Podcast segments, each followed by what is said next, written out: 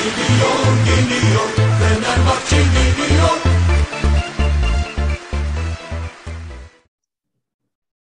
Evet sevgili dinleyiciler, Altay deplasmanı sonrası yayınına hoş geldiniz. Hoş geldin Bahattin.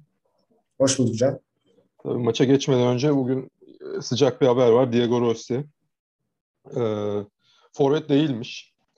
Ama gol beklentisi mesela 17-18 sezonda 11.94 gol beklentisinden 12 gol çıkarmış.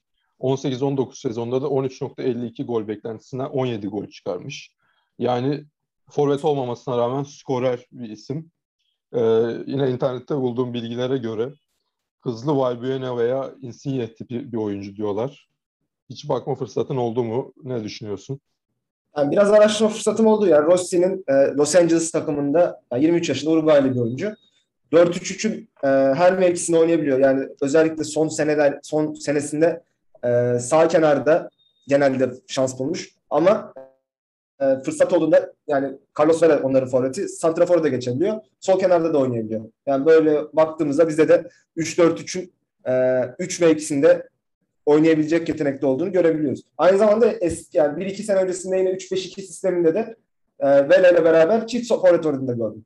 Yani çeşitlilik katabilecek bir oyuncu olarak görüyorum.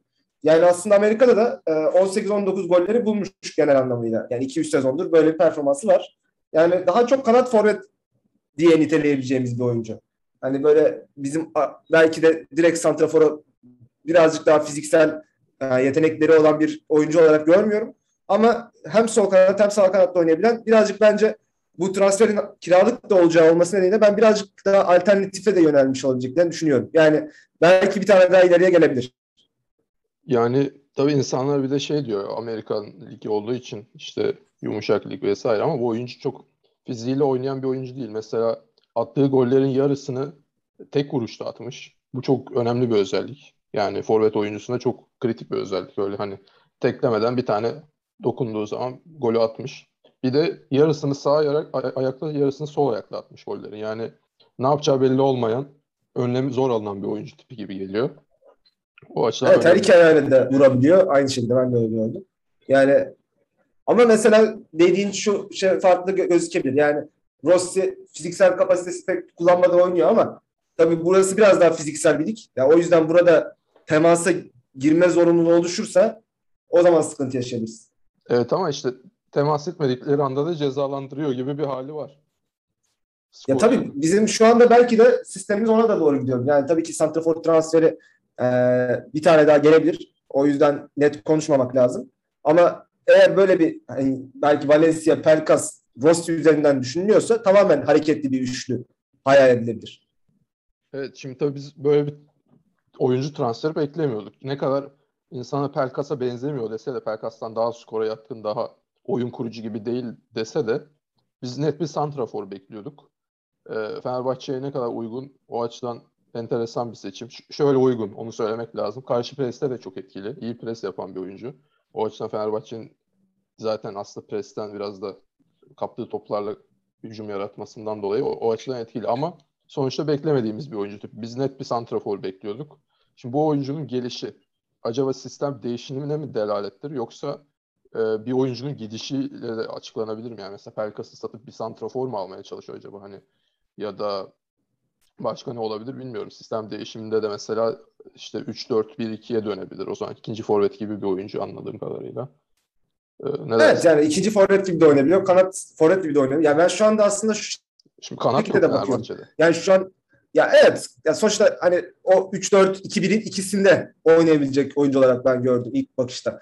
Yani onu da şu şekilde düşünüyorum. Yani şu anki Altay maçın ilk 11'e mesela baktığımızda Osay Samuel ile Muhammed Gümüşkaya'yı kesebilecek bir oyuncu. Ha, ama bizim bu bölgede eksiklerimiz var. Mesut, Pelkas, e, İrfan Can. Bunlardan farklı bir oyuncu. Buraya zenginlik katabilecek bir oyuncu. O yüzden acaba işte birazcık oyuncu rol tanımlarında e, farklı bir düşüncesi var hocam. Yani mesela atıyorum ileride Valencia oynasın diyelim. Sağda e, Rossi oynasın. Solda biraz daha oyun kurucu tarzında bir oyuncu. Yani Pelkas, Mesut, İrfan'dan biri mi oynayacak? Mesela bu bir soru olabilir. Veya bu bir şey, başka bir soru da şu olabilir. Yeni bir santrafor ileri eklendiğinde Valencia Rossi o sağ önde mi bir yedekli birbirini yedekleyecekler? Bu da olabilir. Yani biraz şişti orası her türlü. Tabii. Yani dediğim gibi belki de Pelkas'ı satarak orayı e, hafifletecekler dedi. Yani o, o da olabilir. Ve bunları göreceğiz. Yani sonuçta oraya 3 tane oyuncu var. Yani yaklaşık 6-7 oyuncuyla bu mevkiyi kurtarmamız gerekiyor. E, belki de o şekilde düşünüyorum. Umuyorum ama tahmin ediyorum bir de hocanın transferi bu yine. Fenerbahçe'nin yönetim transferi olmadığını umuyorum bunun. O yüzden vardır hocanın bildiği, bir bildiği diyelim. Şimdi Diyelim. Altay maçına geçelim. 2-0 kazandık. Herhalde biz 3-1 veya 3-0 mı demiştik? Ha, ben 2-1 demiştim, sen 3-1 demiştin. 2-1, 3-1 yani. En azından fark tuttu. Ama biz tabii şey diye düşündük. Altay'ın temposu yüksek. E, biz de atıyoruz. E, yüksek skorlu bir maça doğru gider gibi de düşündük. Ama yani alt bitti maç bir kere. Şimdi şöyle ba- mantıken bakınca Altay yüksek tempoda kontratak oynayan bir takım. Fenerbahçe öncelikle tempoya sahip oldu. %60 topla oynadı. Sonra da tempoyu düşürdü. Şimdi böyle yani maçın sonundan bakınca çok mantıklı geldi bana tempoyu düşürmek. Doğruyu yaptı Fenerbahçe açıdan değil mi? Tabii yani e, düş tempo biraz daha düşürerek oynadık. Özellikle ilk yarıda daha kontrollü bir yapımız vardı. Yani bunda aslında maçı 3'e bölmek lazım en temelinde. Yani 1 ile 45. dakika arası daha kontrollü bir maç var. 46 ile 65 arası Fenerbahçe'nin daha tempoyu arttırdı. Biraz daha hücum ağırlıklı oynadığı bir maç var. Sonrasında da defansif oynadığı bir maç var. Bu ilk bölüme değinecek olursak yani dediğin gibi daha tempo düşürerek yani biraz daha top kaybı sayısını azaltmamız aslında beklenirdi ama biraz top kaybı da yaptık. Buna rağmen rakibin o işte rakipten bizim en önemli özelliğimiz de şu anda topu çok çabuk geri kazanmamız. Yani bunu işte 6-7 saniyelerde yapmaya başlayınca o zaman işte rakibin kontralarına e, izin vermemiş oluyoruz.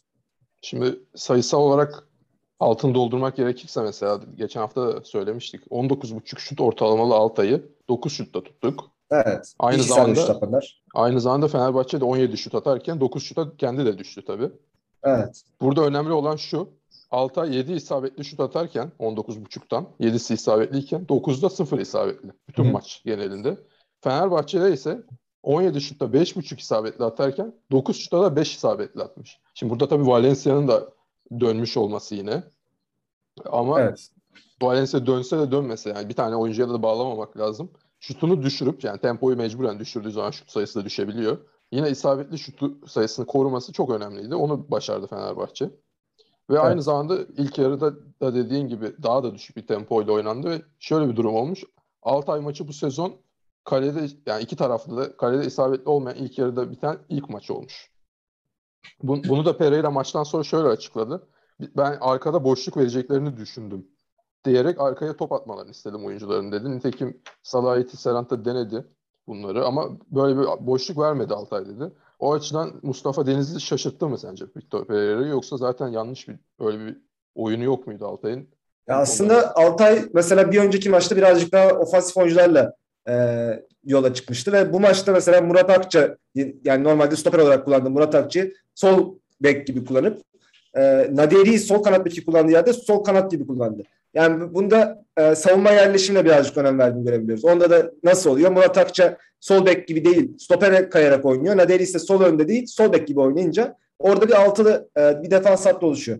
Yani öyle baktığımızda Altay'ın bir defa altılı oynaması nedeniyle bize e, ciddi sıkıntı yarattı. Çünkü boşluk bulmak altılı sistemde gerçekten zor. Uzaktan şutta bireysel yeteneklerin çok çabuk devreye girmesi gerekiyor. Yani öyle olunca bir de tabii Altay için de tabii dezavantaj. Kontraya çıkmaları çok zorlaşıyor. Yani kontraya çıkabilecekleri oyuncu sayısı 2-3'ü geçmiyor. Yani öyle olunca Fenerbahçe'de sürekli topu geri kazanarak sürekli atak çeşitli atak e, zenginliğini e, sürekliliğini sağlayarak oynadı. Öyle baktığımızda tabii bir şekilde bu maçın e, çözülmesi çok daha normal değil. Yani bu nasıl oldu işte? İkincide birazcık daha baskı arttırarak, tempoyu arttırarak, e, topu daha da geri çabuk geri kazanarak bir de Ferdi'nin işte o yaptığı zaman doğru presle beraber attığı harika şutla gol geldi. Peki şimdi sen sayısal olarak Altay daha fazla savunmada bulundu dedin. Aynı Evet. zamanda oyuncu nitelikleri de daha savunma odaklı seçildi diyorsun. Sen daha önce Altay'ı da izlemiş olduğun için soruyorum. Ee, Altay savunmayı da daha ileride mi kuruyordu? Kontra atak yapmak için de olsa. Yani, Yani savunmayı ben çok böyle acayip de e, geriye çektiklerini görmedim. Ama o hatta hat arasındaki yani o adam sayısını arttırmışlar. Yani ön tarafta değil de biraz daha arka tarafta kullanmışlar gibi düşünelim bence. Yani böyle bence gene çok kaleye yaklaştırmadan orta sahanın orada presi kurguladılar. Yani böyle acayip geri çekilmediler. Ama oradaki oyuncu sayısını arttırarak o aralara geçişleri engellediler bence. Hmm, Peki ama madem Biz çünkü biliyorsun uzun toplarla sana iletişim hatta o aralara kaçırmayı seviyoruz. Onları bence engellediler. Anladım. Evet. Buradan e, şunu da sorayım tabii bu belki başında sormam lazımdı. Sen İzmir'deydin. İslam Çupi'nin de bir sözü vardır. Fenerbahçe deplasmana gittiğinde bereket getirir. İzmir'de bir değişiklik var mıydı acaba? Yani tabii takıma bir manevi destek sağladık. Ama bu tabii maneviyatta kaldı. Hani maça girmek, Fenerbahçe Posta Ligi ile Altay e, sahasına maça girmek artık mümkün değil. Öyle olunca biz de e, takımla beraber deplasmana gitmiş olduk. Takımla da beraber dönmüş olduk. Evet. Bir şekilde galibiyeti de oldu. Tabii. Altay taraftarı biraz da tehditvari şeyler yapmış. Fenerbahçe tribün e, formasıyla insan görürsek karışmayız tarzı. Onları da yani İzmir'e yakışmadı ama yani herhalde bir taraftar psikolojisi belki de zaten bütün Altay'a da mal etmemek lazım. Tabii. Burada öne çıkan maçta oyuncu Ferdi. Bir gol bir asist. E, goldeki takibi harika. Golden sonra da golü ve asistimi hocama armağan ediyorum dedi. Fenerbahçe o açıdan yine geçen haftalarda da dediğimiz gibi tam bir hoca takımı oldu mu? Çünkü hem her maç farklı bir isim öne çıkıyor hem de bir şekilde hocaya ithafen yani bir sürü insana e, armağan edebilecek yani orada basın toplantısında yine hani e, maçta sarılmak başka bir şey. Maçta sarılırsın o, o adrenalinle ama her şey geçtikten sonra ilk önce hocayı düşünmesi Ferdi'nin. Evet. O önemli. Yani Ferdi orada hani sol bek ihtiyacını giderdi mi bu hafta acaba? Öyle bir illüzyon mu yoksa bu? Ne dersin? Daha iyi olabilir mi Ferdi yoksa? Yani Ferdi'nin aslında hani bahsetmiştik önceden de Antalya Spor maçında da ben beğenmiştim. İyi performans vardı. Helsinki maçında daha da üstüne koydu. Bu maçta tabii zirve yaptı. Yani bu, bu çıtayı koruması çok kolay değil ama inanılmaz bir performans sergiledi zaten. Bir gol bir asist sol kenar oyuncusundan. Ee, harika. Yani burada tabii bence Ferdi'nin mesela savunmada da çok fazla sırıtmadı. Çünkü daha çok ön alanda oynadığımızı görüyoruz. Bir de hazırlık maçlarında biz aslında Ferdi ve Novak kısmında bir problem olduğunu düşünüyorduk. Yani bu bu ikisi, ikisinin beraber savunma zafiyetlerinin olması nedeniyleydi. Mesela orada Salah'ın gelmesi belki de Ferdi'nin daha rahat çıkmasını ve biraz daha etkili olmasını sağlamış olabilir. Çünkü arkada Salah gibi bir güvence var. Ee, o nedenle şu anda orayı kurtarıyor gibi gözüküyor. Çünkü Ferdi biraz daha içe kat eden orta saha karakterli bir oyuncu. Nazım da daha topla ilişkisi kısıtlı kenar oyuncusu ve savunma yerde daha fazla katkı verebilecek bir oyuncu. Aslında birbirini iyi tamamlıyorlar gibi gözüküyor. Evet. Ferdi de geçtiğimiz sezonlara nazaran biraz şey mental bir değişiklik de var. Yani mesela kart gördüğü bir pozisyon var. İtirazdan kart görüyor ki bence faul değil haklıydı. Ama o kadar maçın içinde ki yani faul olmadığı için gidiyor itiraz ediyor falan. Geçen senelerde biraz daha böyle Ferdi zaten yeni de gelmiş. O adaptasyon süreci de var tabii Türkiye'ye. Genç bir oyuncu. Ee, içinde daha kapanık bir oyuncuydu. Şimdi daha takımdaşlık şeyini oturtmuş. İnşallah sözleşme yenilenir Ferdi ile. Çünkü bu sezonun sonunda da sözleşmesi bitiyor. Ee, öyle yani hoşuma gitti benim orada itiraz etmesi. Normalde itirazdan karta pek hoşlanmam. Mesela Caner vari bir itirazdan. Hani keyfi bir itiraz ama Ferdi orada gerçekten istediği için pozisyonu gidip itiraz edip sarı kart gördü. Ya Bir O da- defa kesinlikle şey de var. Yani Ferdi'nin mental olarak e, gelişmesinin dışında fiziksel olarak da geliştiğini görüyoruz. Yani orada normalde bir iki sene önceki Ferdi olsa o presle topu kazanması daha zor olurdu. Yani burada gerçekten kendine bir şeyler kattığını görüyoruz. Hani o mevkide şu an mesela Ferdi'yi sol önde veya ofansif orta saha sağ önde bazı etkili maçlarını izledik ama orada bir türlü o sürekliliği sağlayamamıştı. Yani belki de onun pozisyonu budur diyorum. Bilmiyorum ama e, yani en azından bir sol bek gelirse bile orada çok sağlam bir alternatif olabileceğini kanıtladı yani. Evet, Fenerbahçe'de ama zaten son iki sezondur öyle bir ortam var ki yani bir tane oy- oyuncuyu bile öyle hani alıştırmaya doğru. yetmeyecek kadar kaos ortamı vardı. Öyle bir maç oynuyor, beş maç yok, iki maç oynuyor, on maç yok. Ee, şimdi daha elverişli bir ortam var genç oyuncular için Fenerbahçe'de. Evet. Ee, şimdi tecrübeli bir oyuncuya geçelim. Sosa ile ilgili şöyle bir notum var. Bir tane topu kaptırıyor. Orta saha ya da ikinci bölge civarında. Üçe doğru. Kaptırıyor topu. Takip etmek yerine gidiyor hakeme itiraz ediyor. Yani sanki itiraz etsen hakem değiştirecek mi? Tecrübeli oyuncusun. Böyle hareket etmemesi gerekiyor Sosa'nın. Yani bence yapmamalıydı. Ee, bazen bu tip şeyler hani golle de sonuçlanabiliyor. Bu maçta olmasa da. Evet. Evet, değişikliklere gelelim. yine Sosa'nın 90 dakika oynamasına bağlayayım buradan. Şimdi madem sonuçta kaç yaşında? 36 yaşında bir Sosa 90 dakika oynuyor. İrfan da orta sahada kullanılabilir mi? Çünkü yani temposu belli, gücü belli Sosa'nın. İrfan'a böyle işte temposuz ileride oynası daha iyi diyoruz. Ama zaten Sosa 90 dakika oynuyorsa İrfan da oynayabilir mi buradan yola çıkarak? Ya aslında ben de öyle düşünmeye başladım. Yani mesela bu Rossi transferiyle acaba İrfan daha arkada düşünebilir mi? Çünkü ön tarafta birazcık daha kalabalık artarsa arka tarafa çekmek daha kolay olur açıkçası. Ve bence mesela e, onu birazcık görüyoruz. Sosa ile Zayt'sın yani parıldadığı bazı anlar oluyor ama onların belli bir istikrarı açıkçası ben göremiyorum. Orada aslında belki de bir yeni transfer de gelecek. Hani bir 8 numara tarzı e, ceza sahasında da koşularıyla beraber o golü koklayabilen bir oyuncu alınırsa hani o zaman bilemiyorum. Tabii İrfan Can'ın işi daha zor olur ama şu anda mevcut kadroda yani İrfan Can'ın Sosa ve Zayt'sı kesebileceğini düşünüyorum ben. Sen bir Ozan Tufan transferi bekliyorsun galiba. Ozan Tufan transferi bekliyoruz. Aynen. Ee, Yani yine konuşulan bazı adaylar vardı da şimdi adını unuttum söyleyemeyeceğim.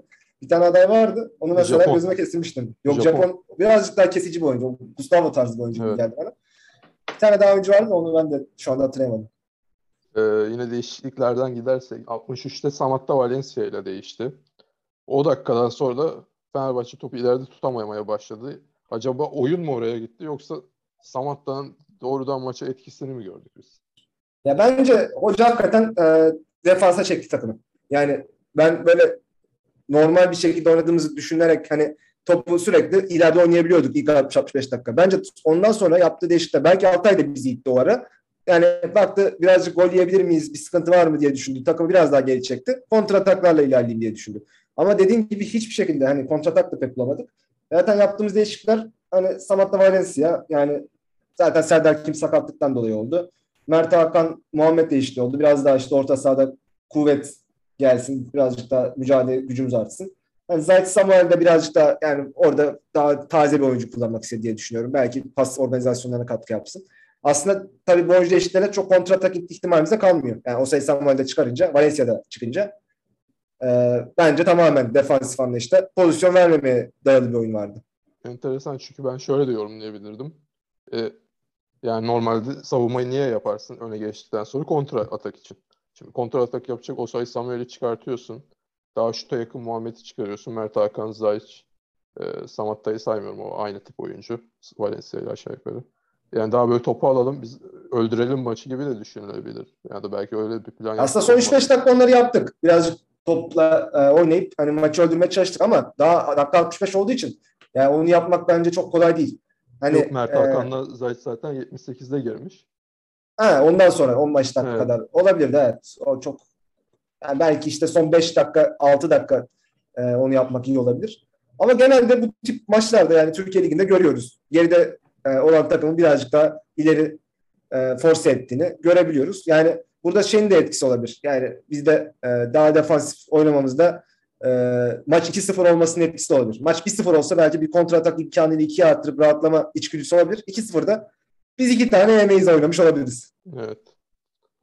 Ee, birkaç tane enstantane var maçtan. Yaşar Kemal Uğurlu girecek oyuncuya mı karar veriyor? Diyor bir- birbirine sen çık diyor, birbirine sen gir diyor, yok sen çık. Aa, oyuncuyu mu beğenmedi anlamadım. Bir de Yaşar Kemal Uğurlu'nun e, yüz ifadesi çok acayip geliyor bana. Yani sanki böyle lütfetmiş de maça gelmiş. Yani böyle hep böyle huzursuz, mutsuz. Yani sonuçta bir, bir noktada Amerikan akışıyla bu bir entertainment yani. Show içinde, şovun bir parçası sen de ve böyle bir sürekli yılmış bir yüz ifadesi yok mu Yaşar Kemal Uğurlu'nun? Evet yani çok hani böyle beğendiğimiz bir hakem olarak ben de görüyorum hani şey olarak. Ama e, yani bence maçı genel anlamıyla son pozisyon dışında iyi yönetti. Yani Ya oraya da gelecektim zaten Evet. madem öyle. Yani Serdar Aziz'e o hareketin bir avantajı yok. evet Şimdi böyle olunca yani sence penaltı mı bu? Bence penaltı. Yani tartışmanın bir alemi yok çünkü hani Topla alakası alakasız belki. Evet ama yani bir anda adamın üzerine doğru bir tokat indirirsen penaltı olur.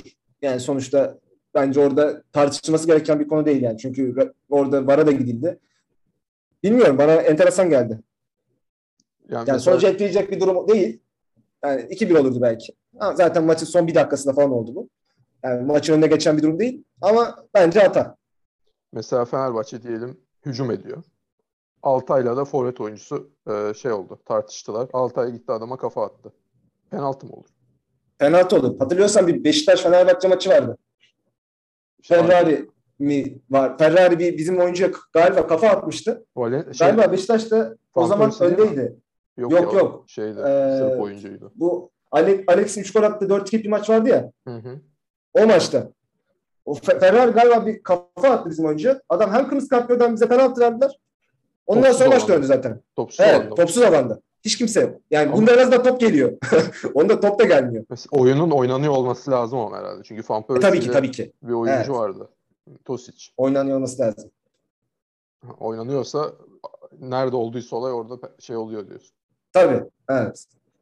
O zaman evet yani onlar bile penaltıysa bu da penaltı zaten. Demek ki şey gibi düşünüldü. Bi- Bilmeyerek de yapıyor. Hani elinin doğal hareketi gibi falan mı düşündüler?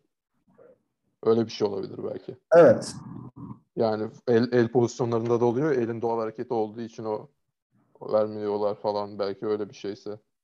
Yani var da varken artık bu kadar bariz bir harekete vermemek için hele 2-0 iken maç mutlaka bir sebebi olması gerekiyor gibi düşünüyor insan.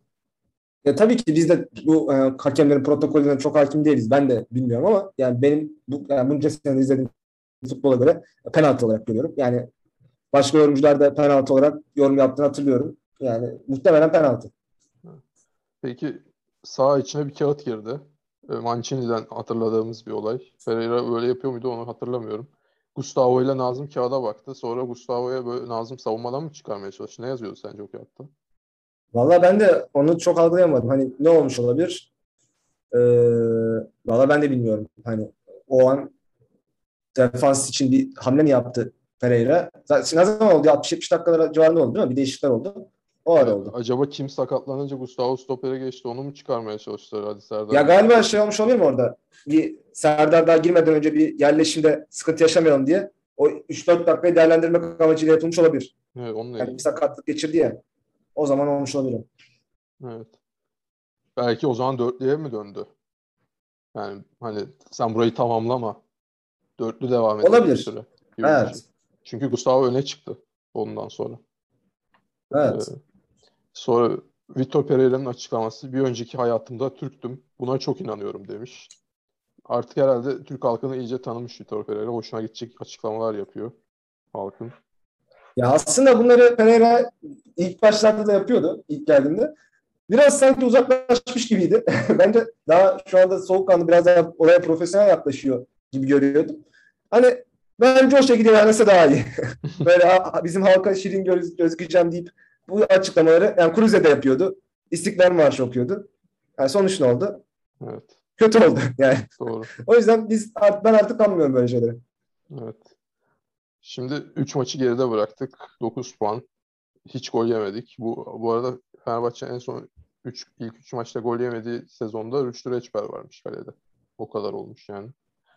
Ee, savunma ile ilgili herhalde pek bir problem yok. Milli araya gidiyoruz. Ee, Milli aradan döndüğünde ya da Vitor Pereira olsaydın milli arada takıma ne çalıştırırdın? Ne, ne de gelişmek gerekir yani. Vallahi açıkçası defanstan çıkışlarımızda bir problem gözükmüyor. Yani e, oradaki roller tanımları uygun. Orta sahadaki oyuncularımız belki biraz daha işte e, ceza sahasını zorlayacak şekilde o Sosa dediğimiz bölgedeki oyuncu biraz daha ileri e, bize taşımasını bekleyebiliriz.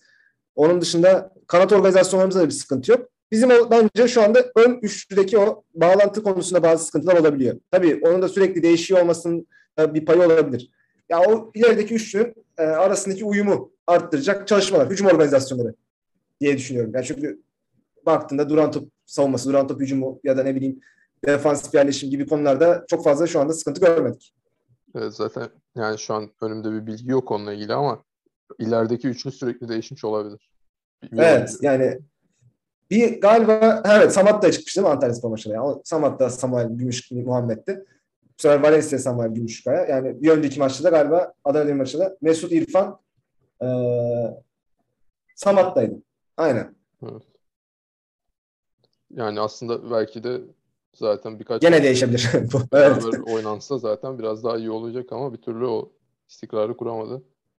Belki istikrara inanmıyor gerçi hoca. İlk 11'im yok falan dediği için. Evet, o da olabilir. Yani maça göre belki de bu tercihleri sürekli yapacak. Yani 3 kişinin sürekli oynamasındansa 5 kişinin birbirine alışmasını tercih edecek gibi. Zaten daha mantıklı olan da o bir yandan. Yani tabii mesela o arka tarafta çok fazla değişikliğe gitmiyor. Yani kaleci, üçlü defans, Gustavo, hatta Ferdi. Yani Sangare de bence şu anda formayı kaptı gibi gözüküyor. Orada bir işte Sosa, Muhammed, Samuel üçlüsü bence değişiyor. Evet doğru. Milli arada Türkiye Karadağ'yla ve Cebeli Tarık deplasmanında da oynayacak. Bir de Hollanda var. O sonrasında bir sonraki haftada 3 maç mı? 3 maç var. Evet 3 maç var. İlk iki gidiyor. Şu an birinciyiz Türkiye, Hollanda. Sonra Norveç var dördüncü. Karadağ var galiba üçüncü. Hı hı. Yani rahat bir grup herhalde. Türkiye açısından bir öngörün var Yani mı? tabii Türkiye'yi değerlendirecek olursak hani Euro turnuvasındaki kötü izleri e, belki Karadağ maçıyla kazanarak biraz atma fırsatımız olur. Hani Karadağ'ın üzerine Cebeli Tarık'ı yenersek zaten Hollanda maçında alacağımız beraberlik bile olursa yani beraberlik muhtemelen bizi birinciliğe taşıyacak bir sonuç olur. Evet. Ama şu andaki görüntü de çok iyi gözükmüyor. Hani bakalım Karadağ maçı ne olacak? Sanki aynı kaldığı yerden devam gibi yani. Turnuva öncesi Türkiye. Küçük takımlara karşı rahat gibi biraz. Yani biraz turnuva atmosferi bozdu takım orada. Belki de evet. Yani göreceğiz. Yani onu gerçekten şamp yani Avrupa Şampiyonası'ndaki performansı kimse bu kadar kötü beklemiyordu. Tü- Fenerbahçe'den çağrılan bir tek Altay var. Nazım da çağrılabilir miydi? Yani önünde Mert Müldür, Zeki Çelik var. Ee, ama şöyle bir şey var. Sol bekte Umut Meraş var bir tek. Anladığım kadarıyla. Şöyle bir kadroya baktım. Yani Mert Müldür de sol bekte en son maçta Avrupa Şampiyonası'nda iyi oynadı. Acaba Evet. Nazım en azından Zeki Çelik'in yediği olarak çağrılabilir miydi yoksa bilmiyorum. Ne düşünüyorsun? Ya da başka bir oyuncu çağrılabilir miydi? Gerçi İrfan Can sakat herhalde. Yani o çağırsa bile yani o ilk 11'i çok ben bozacağını zannetmiyorum. Hani Umut Meraş yerine dediğim gibi Mert Müldür oynayabilir. Oynamalı da bence aslında.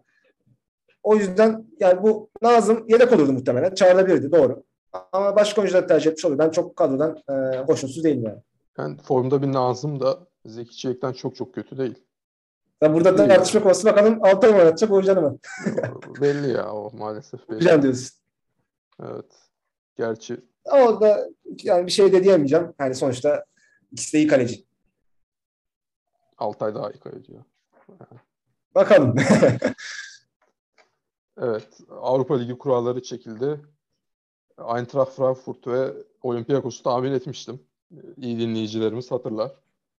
Vallahi helal olsun hakikaten. istediğini geldi. Antwerp'te olsun demişiz ama asıl Bromby'yi istiyorduk. Evet. Ama Frey'i görmek güzel tabii kurada. Tabii. Frey önemli. Şimdi birinci direkt 16'ya gidiyor. Yani çeyrek finalden bir önceki tur. İkinci Şampiyonlar Ligi'nden gelecek takımla 32 yani bir tur daha oynuyor.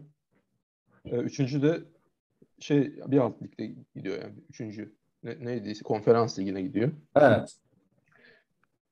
Aslında biz memnunduk. Ama şimdi böyle bakınca sonuçta bir Bundesliga takımı, bir Yunanistan şampiyonu, bir de Belçika takımı görüyorum. Hani böyle Aslında- daha bir takım da yok. Böyle biraz da başa baş bir. Yani Fenerbahçe vurur geçer e, Alkmaar 3 18 18 puan değil de hadi 15 üzeri alır diyebilir misin? O kadar da Ya yok tabii herhalde. ki 15 gibi değil. Yani sonuçta baktığımda gruplara ama e, ilk iki takım olarak genelde ben değerlendirmeye çalışıyorum. Biz üçüncü torbada olduğum için. Hani tabii dördüncü torbadan çok ciddi bir takım da çıkabilirdi. Yani çıkmadı. E, o yüzden ilk iki takım odaklı baktığımızda yani bir Braga ile Kızılyıldız'ı görmüştüm. Hani ben de zaten öyle bir tercih. Bir ara öyleydi. Bir Braga Kızılyıldız ya da Olympiakos Frankfurt gelebilirdi. Biliyorsun ben de o ikisini tercih Evet. etmiştim. E, kurada gele, gelsin diye. E, Olympiakos Frankfurt geldi. Yani biraz inceledim e, takımları. E, Olympiakos yani Şampiyonlar Ligi ön elemesinde Ludogorets elendi. Penaltılar sonucunda. Sonra zaten dediğim gibi son iki senenin Yunanistan şampiyonu. Bir de bir sürü e, tanıdık oyuncusu var. Yani e, bizim ülkemizde oynamış. Onyekuru var. E, zaten bizde oynamış Valbuena var. E, Çek milli takımının kalecisi Vaçlik var. Roni Lopez gibi bir yetenekli oyuncu var. Arsenal'de falan da oynayan bir stoper Sok- Sokratis var. E, yani baktığında Olympiakos Sokrates'i Hiç yani kolay lokma değil. istemiştik galiba. Evet. Yani zaten sağlam bir stoper oyuncusu. Yani Evet. belki mesela şu an Konkur'a baktığında Sokrates'i de beğenir miydi hoca bilmiyorum ama Evet doğru. e, yani baktığında Olympiakos bence yani bu grubun önemli takımlarından. Yani Evet. Frankfurt'a geçtiğimde e, Frankfurt'ta şöyle bir durum var. Yani Geçmeden- geçen seneye nazaran Geçmeden Ha, şöyle bir bilgi vereyim. Olympiakos'da Yunan Ligi başlamamış. 28 Ağustos'ta bir maçı varmış. Evet. Ertelenmiş maçı. Ee, Frankfurt ise 3 maç, 2 beraberlik, e, Bielefeld deplasmanında 1-1, Augsburg'la kendi evinde 0-0, e, Dortmund deplasmanında 5 gol yiyip 5-2 bitirmiş maçı. Yani 2 puanı var 3 maçta. E, çok da iyi değil. Belki zaten ilk maçımızda Frankfurt'la aynen ben de ona değinecektim. Evet. toparlanmadan oynamak önemli. Yani orada da Frankfurt'ta mesela 3-4-2-1 ile başlamış sezona. Hem Almanya Kupası'ndan da elenmiş. Yani bayağı amatör lig takımı falan oynuyor genelde o turda. Muhtemelen öyle bir takım elendi. Evet. Ondan sonra e, Frankfurt'tan, şey, Dortmund'dan da 5 yiyince e, 4-2-3-1'e dönmüş. Ama o, o maçlarda iki tane beraber kalmış. Yani baktığında şu anda e, bir formsuz bir görüntüsü var. Yani dediğim gibi milli oturtamamış. ara evet milli ara onlara iyi gelir mi bilemem ama şu anda özellikle galiba şey olacak. Milli aradan sonra bir tane lig maçı olacak. Sonra biz de oynayacaklar. O yüzden hani onlar dediğim gibi toparlanmadan ilk maç Frankfurt deplasmanına gidiyoruz. Oradan alacağımız hani bir 3 puan olursa zaten çok önemli bir e, şey durum oluşur. Yani direkt gruptan çıkma konusunda bayağı bir faydası olur. Ama onlarda da çok kaliteli oyuncular var yani. Kostic, Sırp milli takımın kanat oyuncusu. Hauge, Norveç milli takımda oynuyor. Milan'da Milan'dan kiralık geldi. Borja gibi bir santraforları var. E, Lindström 7 milyon euroya Danimarka'dan almışlar. Hinteregger Avusturya milli takımın stoperi. Yani fena bir kadro değil. Ama mesela şuna da baktım. Hani bir sakatlıklardan etkilenme gibi bir söz konusu var mı? Hani genelde az takımda oynamışlar. Hani öyle bir durum da yok. Yani onlar dediğim gibi toparlamadan yenebilirsek çok iyi olur. Antwerp'te bu arada 5 maçta bir galibiyet, 2 beraberlik, 2 mağlubiyet. Belçika Ligi için zayıf bir performans. Ee, Yani bir, bir galibiyeti de biliyorsun zaten. e, Frame mi? Ha, Frey'in 5 gol attı. Standart Evet. maçı. Evet. Yani enteresan bir maç. Hani bir daha olmayacak bir maç da. Evet öyle bir şey olmuş. Ya Orada da mesela Nainggolan hani Inter'den falan kaç Evet. bildiğimiz Roma'dan. Egestein diye bir oyuncu var. O da Werder Bremen'de oynuyordu bildiğim kadarıyla. Viktor Fischer var. E, Danimarka bir takımında falan e, gördüğümüz Ajax'ta falan oynamış bir oyuncu. Bir de Frey var. tabii. Evet. Yani Yani yine bir- de- hani Antwerp baktığında tabii ligin şey yani grubun bence zayıf halkası biliyorsun. Evet. Yani Antwerp'i 6 ile geçmek gerekiyor benim gördüğüm kadarıyla. Tabii tabii. 6 Olympiakos da mümkünse 6. Olympiakos 6 emin değilim. Ya Olympiakos ben hani kuvvetli görüyorum. Özellikle deplasmana zaten e, oradan puan ya da puanlar almak daha zor oluyor. Ama bence avantajımız şu. E, Frankfurt deplasmanı ilk maç avantaj. Olympiakos'ta da içeride oynuyoruz. Sonra iki tane Antwerp maçı var. Yani oradan mesela 4 maçta işte 9-10 puanla çıkabilirsek zaten işi bitiriyoruz neredeyse. Evet. Yani Ee, o bu- yüzden bence güzel bir kura çekildi. En azından fikstür anlamında. Evet. Frankfurt maçından önce de tabii Sivas maçımız var. Ee, Evet. Sivas 3 maç 1 puan. Yine istatistiklere bakarsak e, %46 ile top oynuyor. Biz de %56 ile oynuyoruz. Yani topa hakim olacağımız bir maç yine her zamanki gibi. E, 14 şut atıyor maç başına. Biz de 14 şut atıyoruz. Fakat onların 3.3 isabetli. Bizim 5.33 isabetli. Yani aşağı yukarı eşit şut atılıyor ama işte şut kalitesi biraz düşük Sivas'ın. E, maç başı bir gol atmış. Fenerbahçe 1.66 gol atmış. İlk yarıda 0.16 yani bir golün sadece 0.16'sı ilk yarıda. Biz de ilk yarıda daha gol atmamışız. O açıdan muhtemelen yine ilk yarı 0-0 olacak bir maç gibi gözüküyor. Ee, yine Fenerbahçe'nin 1-2 farklı kazanacağını tahmin ettiğim bir maç benim. Ne dersin? Evet. Yani Sivasspor maçı e, Sivasspor tabii Avrupa Ligi'nde e, Avrupa Konferans Ligi'nde birazcık yıprandı. Onun da etkilerini lige belki de yansıdığını gördük.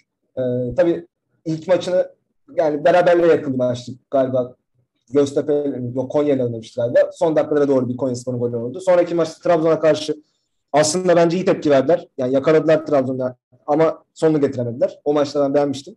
Ya son maçta açıkçası izleme fırsatı bulamadım. Hani e, o maçta da iyi bir sonuç alamadılar. Öyle Kırmızı olunca kart görmüş. Ha doğru. 2-2 bitti değil mi o da? Evet. Evet 2-2 bitti. Yani o da e, Sivas Göztepe maçıydı. E, onda da istediği sonucu almadı. Sivas iyi başlamadı ama Sivas bize ters geliyor genel anlamıyla. Zaten geçen sene de e, bizim şampiyonu olamamamız nedenlerden o maçlardan biriydi. E, ters gelen bir yapıları var. Yani inşallah toparlanma maçı bizim maç olmaz. Şu anki form durumlarıyla favori gözüküyoruz. Yani Orası şöyle, ama dediğin gibi bir puan da hak eden bir takım değil aslında. Hem mesela son Tabii ki. maç 2-1 iken tam 2-1 öne geçiyorlar. 66'da 70'te kırmızı kart. 84'te yemişler golü. İşte Evet. ilk, ilk maçta dediğin gibi Konya yine u- kıl payı. Yani şu an olduğundan düşük bir takım görüntüsünde. Muhtemelen zaten milli aradan sonra olması falan daha iyi geleceklerdir. Yine tehlikeli bir Evet. maç. Tabii tabii Rıza Çalmay'ın da yani bize ters geldiği zamanlar hep olmuştur. O yüzden e, dikkat etmemiz gereken maç. Başka konuşmak istediğim bir şey var mı? Valla maç skoru verelim o zaman. Onu da vermiş olalım. Buna da 2-0 diyelim. İçeride değil mi maç? Evet. İçeride ise 2-0 ben de 2-0 diyebilirim evet. 2-0 demiş olalım. Ha. Bir de tabii Altay maçın ilk üç oyuncusunu yapmadık. Onu da yapmış olalım. Altay'da bir Ferdi. Evet bir Ferdi. iki e, Valencia belki. Valencia evet. Üçü de Evet işte ben de biraz zorlandım. Yani kim olabilir? Yani sonuçta bir gol yememe durumumuz oluştu. En ön plana çıkan oyuncu da o gibiydi. Kim olabilir? tamam kim yazalım. Ben bunu tutuyorum yani. Daha sonra Tabii sezon Evet. şeyini yapacağız diyorsun. Sezon Evet. üçlüsünü bulacağız. belki 5 haftada bir durumu şey yaparım. E, Dinleyicilerle paylaşırım. Evet ağzına sağlık. Teşekkürler. Rica ederim senin de. İyi günler dileriz. İyi günler.